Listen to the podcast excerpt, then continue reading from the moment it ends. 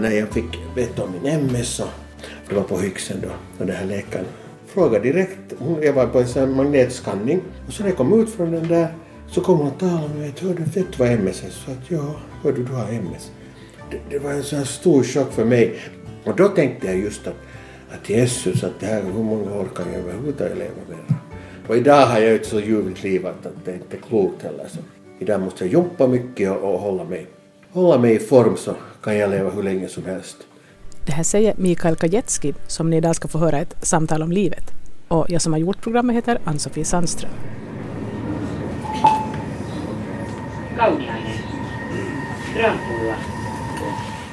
En tisdag i slutet av augusti tog jag tåget från Helsingfors till Grankulla. Tidigare på sommaren hade jag blivit kontaktad av en pensionerad kollega från radion, Åke Grandell. Och han berättade om en man som han kände, en man som hade varit med om ganska mycket i sitt liv. Sjukdom, skilsmässa och alkoholism. Men jag fick också veta att den här mannens liv nu hade tagit en vändning till det bättre. Jag blev nyfiken på den här personen så jag kontaktade honom och frågade om han ville berätta om sitt liv i radio. Det ville han gärna. Så vi stämde träff och han förklarade för mig vartåt jag skulle gå när jag väl hade stigit av tåget. Sen skulle han komma och möta mig när jag kom fram till en sandväg. Japp. Det var lätt att hitta när du förklarade sådär bra. Förklarar jag bra? Ja, det gjorde det. Jag Ja. förstår att vi har en gammal kännycka. Okej. Han berättade alltså, Åke, att ni har någon sorts lunchsällskap. Ja, precis. Ja. Jag äter därifrån, ja, inte alla, förlåt, bara på, på, på veckan, alltså inte veckosluten. Lördag och söndag måste vi hitta någon annanstans att äta. Här bor lille jag. Du? Alltså det, vi har alltså bott här med mina, min hela familj alltså då när vi hade ännu en familj. Så det här så. Nu Ja. bor jag ensam här. Jag har en fästmö Okej. och det är alldeles ljuvligt. Vad hade du tänkt att vi skulle tala om idag? Ditt liv. Va? Mitt liv? Mitt liv? Det är ett samtal om livet så det är liksom... Hela livet, ända sedan jag var liten, liten pojke. Man brukar börja från början. Men före vi slår oss ner för att prata visar Mikael mig runt i radhuslägenheten. Så där är köket. Så där har du då vardagsrummet så har jag en ljuvlig stor gård.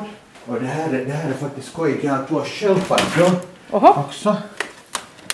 Att det du kan se, de är där under lampan. Nej, men en vad stora! Ja. Nej, hur gamla är de där? De är 16 år gamla. 16 heter Dumle och Toffe och de var, när Dumle kom in så var den så här stor. Och så tyckte jag att jag såg så ensam ut så gick jag efter Toffe sen. Följande därifrån. Hur, hur stora kan de bli och hur länge kan de leva? Jag vet inte, alltså de kan leva till hundra år. Hej pojke. Hej, Sofia här. Kom och visa dig. Vad sa du att de hette nu igen? Du sa... Det var Dumle, den här större Dumle. För att den såg ut som en Dumlekarki när den kom. så. Och så lite. Det var så här lite, riktigt så här minityr. Det, varje gång när det, när det blir lite varmare så, så börjar de alltid att bråka vem som är boss. Och vem är boss då? De ibland är den ena en liten stund och så byter de och så håller de på. De är två pojkar. Det här är ju ett landeställe, det här Grankulla. Ja, min fästmö bodde i Töle och där är ju stan. Så har jag då en jättefin bastu här. Hur många bodde ni här som mest alltså? Fem, tre, jag har tre barn. Oj, Okej. oj, oj. Stötte du? hade- Stötte du? Nej. De, de är alla ute. Min son bor i Dubai och flickorna bor i... Ena bor i Esbo, andra bor i Helsingfors. Jag har då mitt rum. Jag är radioamatör också. Ah, jaha. Jag har kontakt med, med världen. Nu ska du vänta bara lite. Du får just komma hem, men du måste komma från visitor in, det är mycket viktigt. Mikael vill ännu visa mig sitt pingisrum. Min pappa var finskmästare i pingis 1951 och det här är min guffar. Och då vann de finska mästerskapet i dubbel. Okej, nu kan du komma in. Okej. Du är visitor. Titta på det här! Är det inte ljuvligt? Oj! Och tänk på mig som har MS och, det här, och, och konditionen att börja spela. Och till exempel förra eh, fredagen hade vi en kräftskiva här. Vi bytte bara gardinerna, vi satte upp ett, två andra bord och det här och sen eh, kräfta, eh, jutton allting och så hade vi här, vi var elva stycken och sjöng och hade oss. Att det här, det här, du, nu nu ska du få kaffe. Passar det? Det går bra. Jag är Mika Kajetski. Jag är 55 år gammal. Jag bor i Grankulla. Och för mig är Grankulla mycket viktig för att här får jag all den hjälp jag behöver när jag har den här MS-sjukan. Här då kan jag då äta på Villa Breda och det är bra mat där. Där finns en gympasal också där nere som jag försöker använda. Speciellt nu efter sommaren så, så har jag märkt att man, man måste ha lite mera liksom kondition för att klara det här, det här livet. Fötterna, alltså de, de, de verkar mera nu och, jag ska också besöka min MS-läkare. Men först ska jag nu själv jumpa upp och titta att, att hur, hur långt jag kan själv göra något åt saken. Mikael blev sjukpensionär när han var 39 eftersom han drabbades av MS, multipel skleros. Han har tidigare i sitt liv också haft stora problem med alkoholen. Och det här ska vi ta upp så småningom. Men först vill jag gå lite bakåt i tiden så jag frågar Mikael var han växte upp. I Helsingfors. I Helsingfors eh, på, på femkanten så föddes jag. Men så flyttade vi till Munksnäs ganska snabbt. Och där i Munksnäs har jag då levt hela min ungdom. Att först bodde vi på Herrgårdsvägen och därifrån har jag nu inte så hemskt mycket minne. Jag kommer ihåg när vi fick vår, vår hemhjälp som blev mycket, hon jobbade länge hos oss, så hon kom dit och, och, vi hade hemhjälpare nog tidigare men att hon, hon var hemskt viktig för mig också sen senare. Hon talade finska och det här och jag hade alltid villkor varenda eh, ett år. Utom då när jag stannade på klassen så då hade jag inte villkor i finska men att fast hon talade finska så, så blev det inte desto bättre. Det var nog en fin idé förstås men att inte. Om familjen hade hemhjälp så tolkar jag det som att Mikael kommer från en familj som hade det väldigt bra ekonomiskt. Det låter ju för mig som ni skulle ha varit ganska välbeställda. Jo, jo, alltså min, min mamma och pappa hade det mycket, mycket bra. Och jag hade ju svårigheter med det i skolan eftersom jag hade ju alltid pressade byxor, pressade kalsonger, jag hade alltid skulle vara i beige. Jag hade jättefina cyklar, de spottade på min cykel för att de, var ju förstås avundsjuka. Pappa körde med amerikansk bil. Vi hade en jätte, jättevacker bil själv, mamma.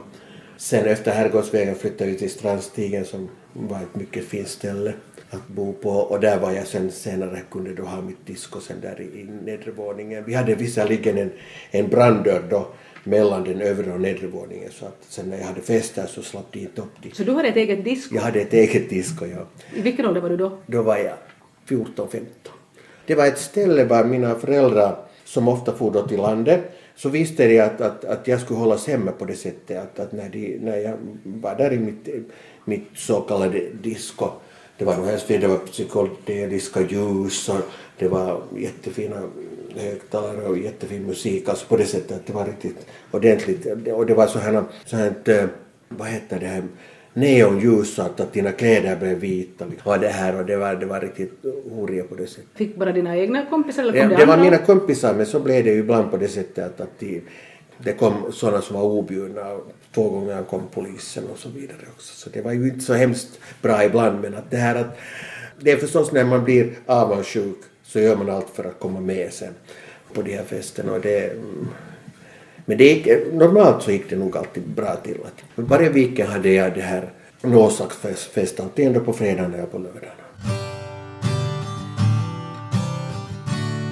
Mikael Kajetski växte alltså upp i en familj som hade det väldigt bra ställt ekonomiskt.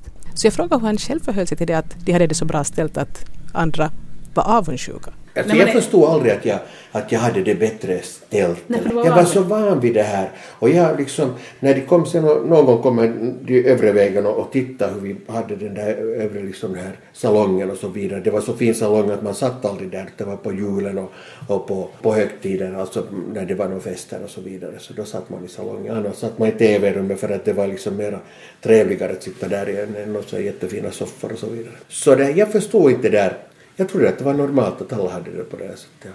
Jag hade till exempel bil under militären och jag har alltid fått allting i mitt liv. Det är ganska hemskt att säga men så här är det. Och jag har ju fått MS också och jag, jag, jag det här så man måste ju leva med det.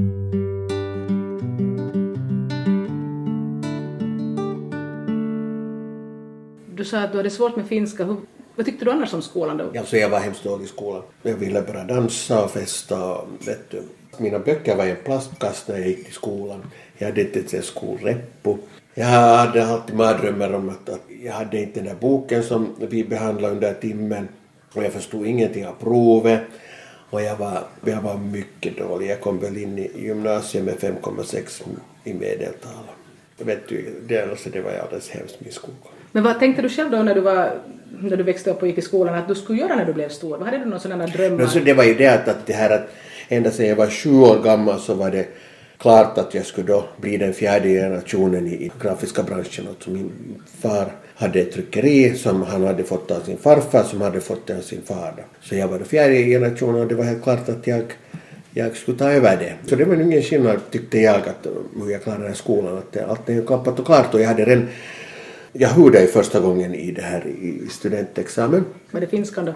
Ö, Det var väl allt. Nej, nej, det var realen. Det var det att jag var så otroligt dålig på alltid så det var realen så jag hörde i. Men att jag blev ju student sen. Men att, Nu började du jobba då ganska snart i den här firman där du skulle, ta Alltså det är på det sättet att efter studenten så får jag till Köpenhamn, till Grafiska högskolan. Och min exfru hade just blivit färdig barnträdgårdslärarinna så hon kom med. Och det var jätteherrans tur att hon kom med för att eh, äh, livet i Köpenhamn så var ju ganska otroligt. Man fick röka och dricka under timmarna. Och äh, till Köpenhamn som satt på, var, på den vänstra sidan så rökte cigarr och den andra rökte då tobak så det var grymma rökmoln, man såg knappast tavlan. Och så hade vi alltid en korg öl där i mitten av klassen så man fick ta därifrån och så var när det tog slut så var det följande som skulle köpa den här korgen och jag var ju full de första veckorna. Min fru tänkte, att, eller exfru då tänkte att vad är det här för en skola? Att han kommer alltid helt berusad från den här skolan. Och så hade jag ännu fått det här mönstret hemifrån att när man kommer hem från jobbet eller så här så då ska man ta en dry martini eller någon drink. Så det gjorde jag förstås också Fick för du, maten. fick du själv liksom dricka hemma med föräldrarna också eller? Ja, ja, ja, ja. ja, det fick, var- ja. ja, som 14-åring fick jag röka och, och dricka hemma. Så det hade jag mönster för. Det var, jag var 21 år när jag for till Köpenhamn. Och sen efter det så åt vi. Och sen om vi inte gick ut och äta så tog vi då äh, alltid, vi drack alltid rödvin med maten och så tog vi en konjak eller en likör till efterrätten så hade vi någon slags efterrätt och så tog vi, eller jag, jag tog stora drinkar efter det så jag, jag såg nog säkert inte en enda nykter dag i Köpenhamn och inte efter det heller.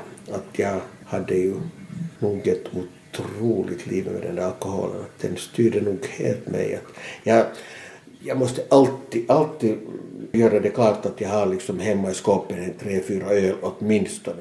Så att jag kan somna. Jag, var helt bombsäker på att man inte kan somna utan alkohol. Du klarade av att jobba fast du drack hemskt mycket då också eller? No, det, alltså jag är my- mycket bra på att delegera saker. Så jag kom till firman nog först klockan tio för att jag kunde köra för det. Jag visste det. Och, och jag försökte alltid på kvällen att klockan tio, så, så efter klockan tio kan jag inte dricka. Och så tog jag alltså så enorma drinkar. Och de hade velat mig, av min pappa det här.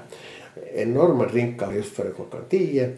Och jag, jag vet inte alls hur jag, hur jag, jag blev aldrig fast hur jag kunde köra alltid på morgonen till jobbet. Nå, så kom jag till jobbet, så hade jag kaffe och då delegerade jag ut de här sakerna och jag hade inte så mycket ansvar där. De, de andra skötte det så jättebra för att när min pappa dog som 57-åring och jag hamnade då in, hoppade in som 26-åring som VD så var jag ju en snorunge på den där firman och de, de, ingen av de här, de här äldre människorna trodde ju riktigt att jag skulle klara det. Så de skötte det ändå fast på det sättet att jag lekte nu så kallad direktör där. Jag hade visserligen, hade av mina vänner, så hade jag fått fina kunder, ja. Och, och det här, och det, det betydde mycket nog för firman men att det här, jag var aldrig en riktigt på det sättet en, en, en VD. Jag söp med kunderna, jag fick kunder den vägen, ja. Men att jag kände aldrig det som, en- som en, en, att det skulle ha varit jag som gjorde det. Och jag ville ju aldrig egentligen ta den där firman och bli en VD. För det var ju mamma som sa efter att pappa hade dött att hördu Mikael, skulle du nu inte kunna tänka att du ändå skulle ta över den där firman? Och det var, jag hade hårda kamper med mig själv att jag visste att, att jag är inte för det där riktigt men att det Vad skulle du själv vilja göra då? Alltså jag, jag var, jag då före, före jag for till Köpenhamn så, så studerade jag då på grafiska, alltså där på, eh, vad heter Reprolite och det heter som, jag var ett år på tryckeri, jag var i skiftesarbete och det tyckte jag om. Jag tyckte om att, att man såg något, man satt vitt papper in och så kom det fyrfärgstryck ut och det tyckte jag om. Jag skulle vilja vara en tryckare egentligen. Jag tror att det skulle ha varit det riktiga för mig att jag Så det var inte din grej att vara VD? Nej, det var inte min grej. Nej. Och sen när jag fick MS så, så då förstod jag att, att nu det här så, så är det kanske bäst att jag går tillbaka och jag anställde en VD. Jag blev pensionerad sen som 39-åring och jag har en ganska bra pension. Inte på det sättet man klarar sig inte jättebra men att jag klarar mig. Mikael Kajetski har nu varit nykter alkoholist i 16 år. Så jag ber honom berätta hur det var när han slutade dricka. Det var väl familjetrycket som var så stort sen så, så jag förstod att, att nu, nu måste jag sluta upp och dricka och jag höll mig faktiskt ett år och tre månader utan att dricka. Jag, för under den här tiden så fick jag då veta att jag hade MS. Jag var då, jag var väl då en 30, 36-åring. Och sen efter det att, att jag hade haft den här pausen på ett år och tre månader på, på egen hand så gick jag faktiskt och drack en ettans öl för att det fanns inget alkoholfritt, att jag körde då med alkoholfritt. Och då drack jag en ettans öl och så klarade jag det bra så tyckte jag att om jag klarar ettans öl så då kan jag ta en treans öl. Och så var det följande vecka så var det gin på bordet och allting och sen gick det hemskt hårt till. Och så får jag bort, jag, en vacker dag så försvann jag bara till en av kompisarnas husvagn och meddelade ingenting hem. Och där söp vi då i, var det två, tre dagar tills spriten tog slut och jag hade grym darra. Och, och så råkade min morbror faktiskt ringa till den här han fick, han fick på något sätt av min exfru då veta att jag antagligen i den här husvagnen och på den tiden var inte de här kännyckorna så allmänna men att, att min morbror fick då tag i mig i den här min kumpis telefon och sa att, hörde, att jag förstår att du har alkoholproblem att, att jag, han har ordnat en plats där på Pixtekliniken i Malax. Att skulle du acceptera det här? Och då när spriten var slut och jag kände mig eländig och liten så, så sa jag att jo, jo, jo. Hur var det då där på Pixnekliniken? Det var ett ljuvligt ställe. Ja. Vi hade liksom föreläsningar på morgonen och på eftermiddagen. På min tid så kunde man liksom fara ut med en bil, alltså de hade en sån här en minibuss och då kunde man fara och simma eller man kunde fara på viken till, till Vasa eller man kunde fara till Replot eller och, och ändå var vi hamnade, vi hamnade alltid och blåsa när vi kom hem från de här våra keikko. Jag njöt otroligt av det stället för att jag kände mig trygg där och Hur länge är man där? man det var en månad. En, månad. En, en månad skulle alltid vara där. Ja. Och, och då, det gav mig en sån där styrka att jag klarade det här. Det var i första månaden så jag har varit utan att dricka i mitt, hela mitt, ja sen jag var 14-15 år gammal. Och då märkte jag att det går nog. Under vistelsen på Pixnekliniken kom Mikael Kajetski i kontakt med AA, alltså Anonyma Alkoholister. Där fick jag första kontakten med AA och då sa jag att jag första mötet så sa jag att jag är 10 procent alkoholist. Jag höll på på det här sättet ända tills det sista mötet så sa jag att hördu, att jag är nog alkoholist. Och det är hemskt svårt för en alkoholist att säga det högt för sig själv att du är alkoholist. Efter vistelsen på Pixnekliniken gick Mikael med i AA i Grankulla. Så kommer jag ihåg då, då när jag kom med i AA så det var fina människor med kostym på och jag hade en sån liten, vi hade en liten röd, eh, det var en Nissan då, en sån liten hatchback. Och då parkerade jag mellan de här jättefina bilarna och det var mer som BMW och allt så här.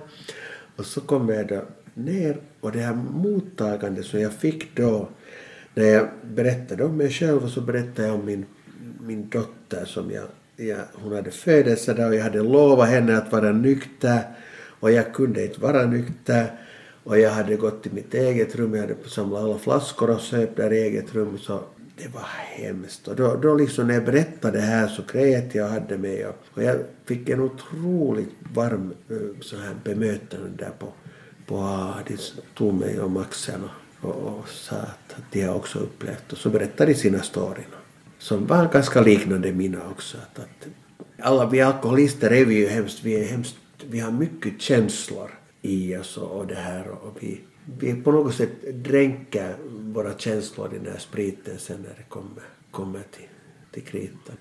Hur aktiv är du nu? Ja, ja. Alltså jag går, jag, jag går varje måndag. Det, det är viktigt för mig. Till exempel i juli månad så var det jag som liksom öppnade dörren och kokade kaffe och läste den där första lite, de här små stegen som vi har. så det är nog hemskt viktigt med för att bara påminna sig själv om att man är alkoholist, att man kan inte mitt i allt fara ut och bara härja. För att det, det, det är ju en sjukdom, man måste ju komma ihåg att det är en sjukdom. Finns suget kvar? Nej, nej det, det har nog gått, det har nog Det vill säga att det är de sista fem åren som det har liksom släppt helt och hållet. Och jag njuter så otroligt av det här att kunna vara nykter för att idag kan jag till exempel gå på krogar utan att behöva dricka någonting och jag hur skoj. Jag hade just en kräftskiva här, vi bjöd på snaps och vi bjöd på öl och vi bjöd på vin och andra, de, de var inte fulla på något sätt. Ursäkta. Så det, så det är inte så att du liksom, det fordrar att alla runt omkring dig... Nej, precis. Ja. Så Det var i början var det hemskt det svårt. Alla högtiderna som första maj och midsommar och alla de här som var grymt svåra att komma igenom. Och då, då ville man hemskt gå någonstans var ingen såg en och, och liksom, man ville inte komma i kontakt på något sätt med det gamla livet eller, eller gå på några fester. Man ville bara liksom titta på TV och försöka glömma att det är första maj eller, eller att det är midsommar. Hur många år var det så att du ville undvika alla sådana No, det var, det var det, kanske de fem första åren var alltid lite svåra. Sen började det lätta, men att man måste vara hemskt förberedd på hur man ska ta emot det här. Och vi, just på, på AVA, jag fick då alltid hjälp och som har varit hemskt viktig för mig, så där gick man igenom de här sakerna, hur man ska tackla det här. Och, och, och det har varit ett jätteviktigt ställe det där AA för mig. Nu tar jag kaffe. Sådär. Ja, så var jag till, till det här Minervaskolan och höll ett föredrag för sådana 10 till 11-åringar om alkoholismen och det här och de var ju alldeles tagna. Jag berättade att, att man ska vara försiktig med den där första supen. Att för mig gick det riktigt illa då när jag var 14 år. Jag tog en halv flaska Kosken. Och du började med det? Ja, ja, ja. Det var, det var- första gången riktigt när jag på det sättet tog ordentligt med riktigt stark sprit. Att hemma kanske jag hade fått ett glas vin eller något sånt här. Men att då, jag förstod inte att det var så, så hemskt det där. Jag slocknade ju. Jag slocknade och jag vaknade inte på många, många, många herrans timmar. Så du hade liksom riktigt alkoholförgiftning? Ja, det hade jag. Det, det kan man bra säga, ja. Och det var ju herrans tur att jag inte... Vi var på en holme och där var vatten runt och att jag inte sen började yra, dränkte mig eller något annat. Men Så vad, det- vad tror du om det här med alkoholism? Alltså är det så att, att vissa har, blir fast i det? Ja, är det så att man ja. har olika Ja. läggning från början liksom? Ja, det finns i i generna antagligen. Så en del människor har de här generna som gör att de blir alkoholister. Vi kan inte stoppa det där, så jag kan nog dricka, ja, men jag kan inte stoppa det. Mikael Kajetski berättade här tidigare att hans föräldrar drack regelbundet och att han själv fick dricka alkohol hemma från det att han var 14 år gammal. Men hade någon av föräldrarna problem med alkoholen? Min pappa, han var nog en salongsalkoholist ska vi säga så. Och Han klarade sig alltid på något vis till firman. Han, en nio. Han var redan nio tiden på jobbet. Men att han drack nog varje dag.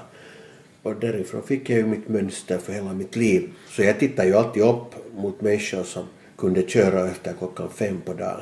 Det kunde jag aldrig. Men var det så att din pappa, han hade aldrig någonsin hunnit inse att han hade problem med alkohol? Eller hade han jag kanske? vet inte. Han dog så hemskt ung. Han var 57 år när han dog. och Det var strupcancer. Så.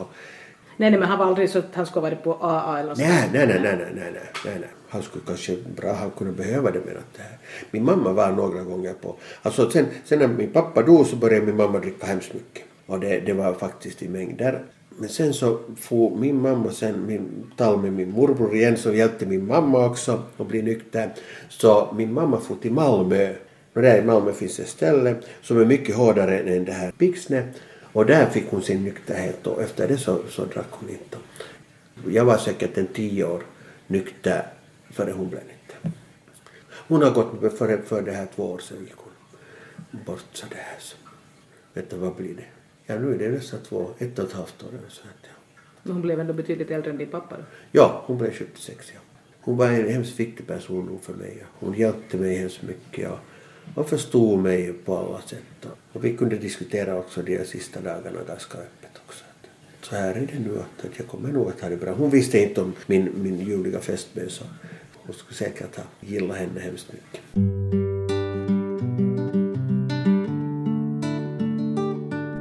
När Mikael Kajetski var 36 år gammal fick han diagnosen MS, alltså multipel skleros. Och då tänkte jag förstås att det här, det här kommer inte att sluta bra. För att jag själv varit med och burit bordarna till MS-tillställningarna och jultillställningar och så här för att det var min fasta som grundade, mammas fasta som grundade MS-föreningen. Och hela vår släkt satt ganska mycket pengar in i den här MS-föreningen då. Så jag visste vad det var frågan när jag fick höra då att jag har MS och det var på Hyxen då och den här läkaren frågade direkt, hon, jag var på en sån här magnetskanning och så när jag kom ut från den där så kom hon och talade med mig, hördu vet du vad MS är? Så att ja, Hör du du har MS. Det, det var en sån här stor chock för mig men samtidigt var jag nöjd att jag visste vad det var fråga om. Och då tänkte jag just att, att Jesus, att det här, hur många år kan jag överhuvudtaget leva med?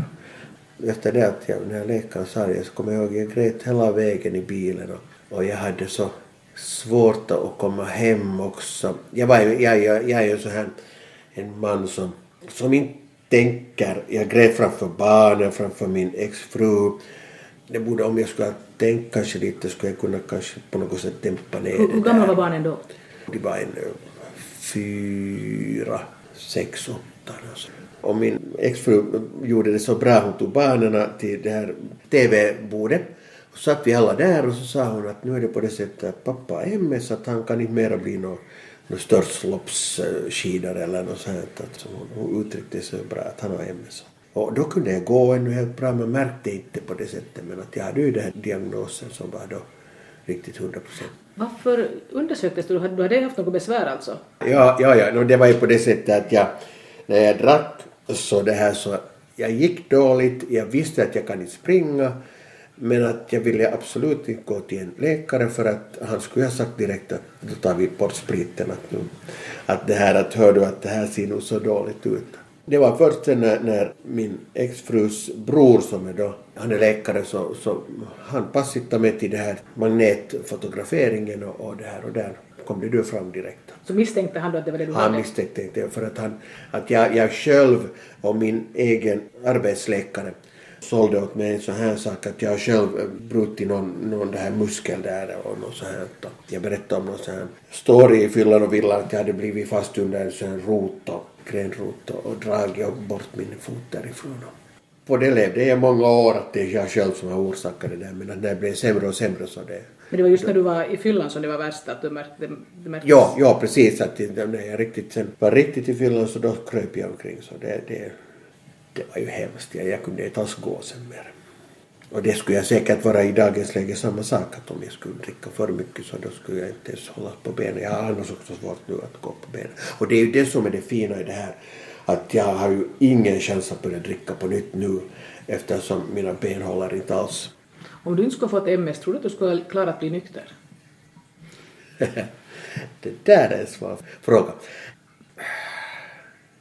Vad ska jag svara det? Är så liten procent av oss som, är, som håller sig nyktra sen till sist och slut. Att nu skulle det ha varit svårt. På det sättet är det ju tur att jag är MS. För att hålla jag mig nykter också. Det är ganska hemskt. Ja. Så jag trodde att det skulle ta en två, tre år och så det, det var det. Men att nu har det gått ändå så här länge som man vet väl aldrig egentligen hur snabbt... Nej, det finns så olika MS. Ja. Jag har ju så här ljuvlig MS som, som bara tar på benen. Jag har ingen medicin för det här. Jag äter bara Burana tills vidare. De här medicinerna som finns mot den här sjukdomen är ganska hårda så det blir alla möjliga andra biverkningar sen om man börjar äta. Så har jag förstått det i alla fall.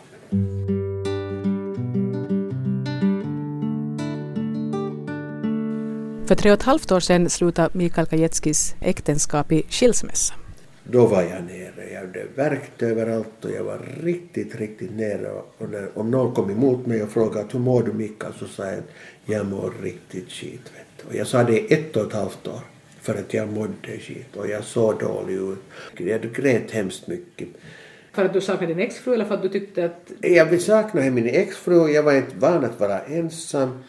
Så tyckte jag att jag hade blivit så felbehandlad när jag har MS och sjuk och oj, oj, det var ju så synd om mig. Men att som du hade jag då AIN som ett, ett stöd och där träffade jag faktiskt en man som kom mycket och spelade pingis med mig och som vi ringde varje morgon och varje kväll ringde vi. Och liksom han, han hjälpte mig att, att hållas på något sätt på, på fötterna. Så, det, så man gör det ofta inom AA att man liksom... Ja, man stödjer varandra också utanför det här Ja, måndagen. kanske det då finns, ja. det, det skulle kunna vara en risksituation just att man kan börja... Precis, ja, ja, ja, ja. Jag menar för att det är bara en gång per vecka. Det finns ju A-möten på andra ställen men jag var nu så, annars också så svår att överhuvudtaget gå någonstans. Så, så det var ju jätteviktigt det här, just de här morgonsamtalen och kvällssamtalen. Så det, det är mycket, mycket tacksam för de, de, de där samtalen. Och så kunde vi diskutera vad som helst när vi då, jag båda är då alkoholister. Så började jag då, det var på det sättet att jag började äta sen på Villa Breda som är ett, ett servicehem här, alldeles nära 100 meter från mig.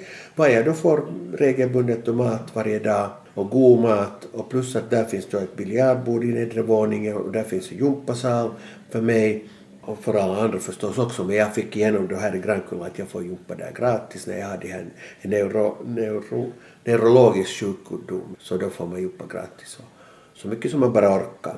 Och sen, sen så träffade jag då bland annat Åke Grandell där och, och han och hela det där bordet har nog hjälpt hemskt mycket upp det här mitt ego på det sättet.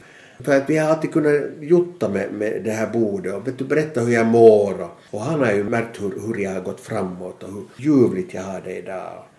Så det är liksom ett sådant bord där det finns folk som har, ni har en rolig, ett roligt umgänge där. Att ni, Precis, det, är- det är riktigt skojigt att det är inte bara den här maten utan det är hela det här umgänget som man behöver ju faktiskt nog ett socialt sammanhang. Precis, ja, och det det är har man ju ja. kanske inte då ifall man Nej precis, om man det här äter hemma så, så, så är det ju inte, inte samma sak. Utan det är nog hemskt viktigt det där att du hamnar och klär på dig, se till att du ser någorlunda ut när du går och äter och, och, och hela det här umgänget är nog hemskt viktigt. Förr var det ju, jag satt alldeles tyst i de här borden och lyssnade på vad de sa men att nu är det jag som, som berättar hur jag har det idag. Jag, jag kommer ihåg då när jag första gången gick och sitta här i Åkes bord så så sa han, jag sa att det här leder så, nej, nej. Så skämtade han bara, då kom du hit bara och sitta. Och efter det sen så hade vi blivit riktigt goda kompisar och Åke har hjälpt mig mycket. Han har, brukar komma hit och titta på TV, och, alltså på filmer och sånt. Jag har en ganska stor film-TV. Jag trivs med, med alla där på Villa Breda. Så det, de flesta känner mig och de känner mig här i Krankulla när jag går med kämpar. Så alla vet ju lilla stackars Mika som har MS. Ja. Du säger det och skrattar liksom, men fanns det en tid när du faktiskt Ja. du riktigt tyckte synd om dig själv? Ja, alltså jag tyckte riktigt synd om mig då i början och jag tror att många människor så tyckte också synd om mig och höll kontakt med mig därför att de var, kunde ställa sig lite ovanför mig och fråga att "Nå, hur går det nu? Men i dagens läge är det helt tvärtom. När jag ringer till dem så, så är det liksom är det jag som frågar att nu hur går det och så berättar jag hur bra jag har det idag. Hur, hur fint jag har det.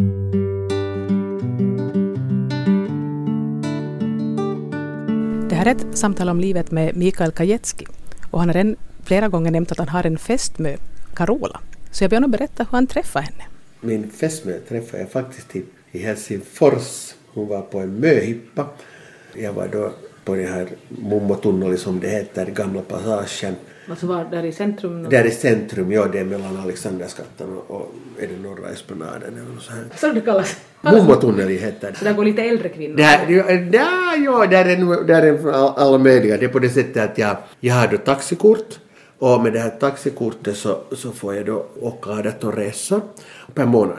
Och, och då har jag träffat olika taxichaufförer som har hjälpt mig. Men Jag har ena taxichauffören har målat mitt staket och, och vet du, hjälper på det sättet med hemma också om det är några tavlor som ska sättas upp så hjälper han eller måla något så här. Och med mitt taxikort får vi efter honom och så får vi till det här så kallade Mummotunnelin och då placerar han, han brukar hjälpa på det sättet att han söker ett bord åt mig och så går han efter en drink åt sig och, och något åt mig att dricka. Jag brukar dricka Sveppes eller eller gin tonic, eller tonic, inte gin tonic, tonic. Tonic utan gin? Tonic utan gin, ja. Och där träffade jag sen Carola så det var fantastiskt. Och då märkte jag redan då när jag talade med henne att, att i den där kvinnan är det någonting. Och jag hade bestämt att den här sommaren, jag har, nu varit där då två somrar. Och den här sommaren, eller den förra sommaren då när jag träffade henne så, så hade jag bestämt mig att jag ska inte fråga någon flickas telefonnummer nummer för att, att man blir så besviken när de sen inte ringer. Och, eller om man ringer så hör man ingenting. Men du var liksom i princip på jakt nu efter Ja, jag var på jakt, jo jo alltså. du, du, ville inte vara ensam helt och hållet? Jag ville inte vara ensam, nej. Och, och, och samtidigt om jag träffar någon som, som det är trevligt att diskutera med så, så nu är det skojigt att höra sen, senare också av, av den här människan. Men att Carola var nog så speciell att jag bestämde att ta hennes nummer och så ringde jag faktiskt eh, tre veckor senare. Så efter det sen så var hon hemskt glad och hon kom hit och åt räkor och kräftor och på något sätt så passar vi bra ihop. Och i dagens läge har vi det jättefint. Vi förlovar oss andra i sjunde. Det här året? Ja, det här året här i Grankulla.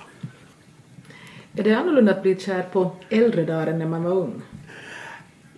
Ja, man är slugare, man, man, liksom, man kan tackla saker mycket bättre nu.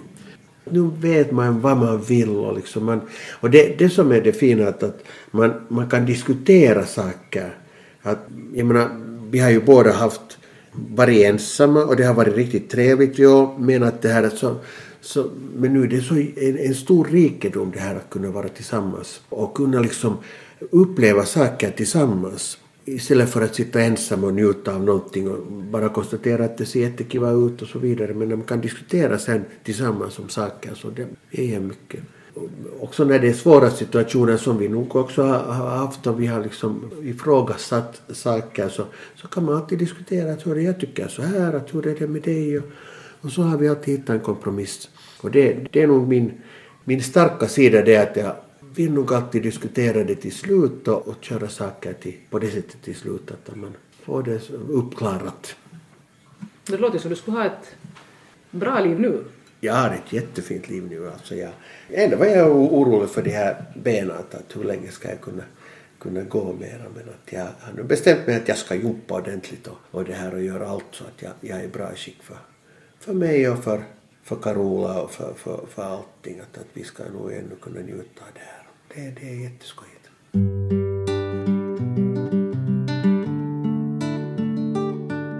Tror du att det finns något som styr oss? Liksom? Har du någon tro eller något sånt? här?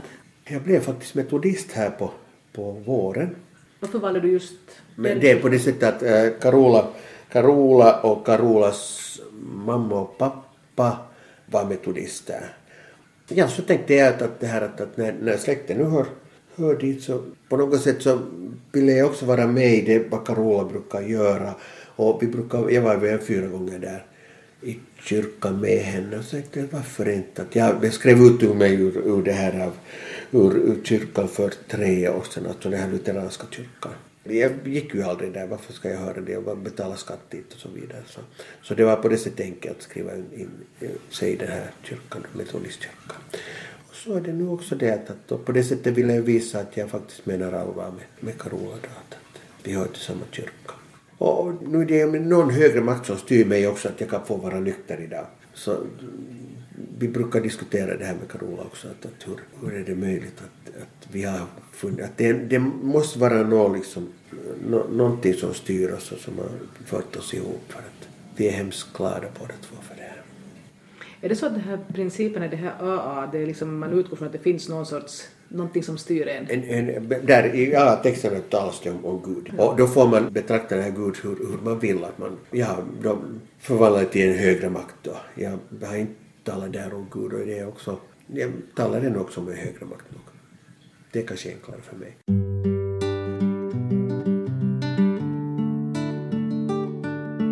Det börjar bli dags att avrunda och jag frågar Mikael Kajetski ifall det är något han vill tillägga. Och medan han funderar så kom jag på att jag själv inte fick veta vad som hände med den här firman som han blev tvungen att ta över som 26-åring. Firman gick i konkurs. Att fast jag anställde en VD som var riktigt bra men att det inom grafiska grafikabranschen i dagens läge så är så omöjligt sånt så där så det bara gick inte. Min son skulle då ha varit då den femte generationen men som tur så behövde han inte, inte ta över det för att det är nog en så svår bransch. Och det är det, det här digitalvärlden som har ändrat, ändrat på det här trycksakstekniken och så vidare så att du kan liksom trycka för struntpengar sånt som kostar dynamit för. Men att, att jag är hemskt tacksam för av mitt liv på allt sätt att jag har fått bli pensionerad och kan sova mitt på dagen. Jag kan ta det lugnt mitt på dagen om jag vill, om jag känner mig trött. Och så orkar jag gå så länge som jag kan och så brukar jag sätta, sätta mig och så hjälper om jag sitter tio minuter så går jag igen och håller på igen. Man måste komma ihåg bara att, att alltid sätta ner sig, ta det lugnt och så kan man orka igen. Det var just idag, före jag kom hit hem så, så var det en kille där på Villa Breda som sa att, att du har nog förändrats så, så på de här tre åren att du var nog en helt annan person då än du, än, som du är nu. Så att det här var skojigt att höra och jag känner mig nog hemskt. Att jag har ett bra liv och fast jag har MS och, och, och, och allt det här så, så är jag nog en lycklig person idag. Alla säger att nu har du ändrat dig Mikael. Det är skojigt att höra.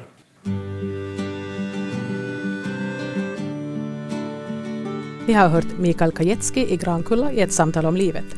Och jag som gjorde programmet heter Ann-Sofie Sandström.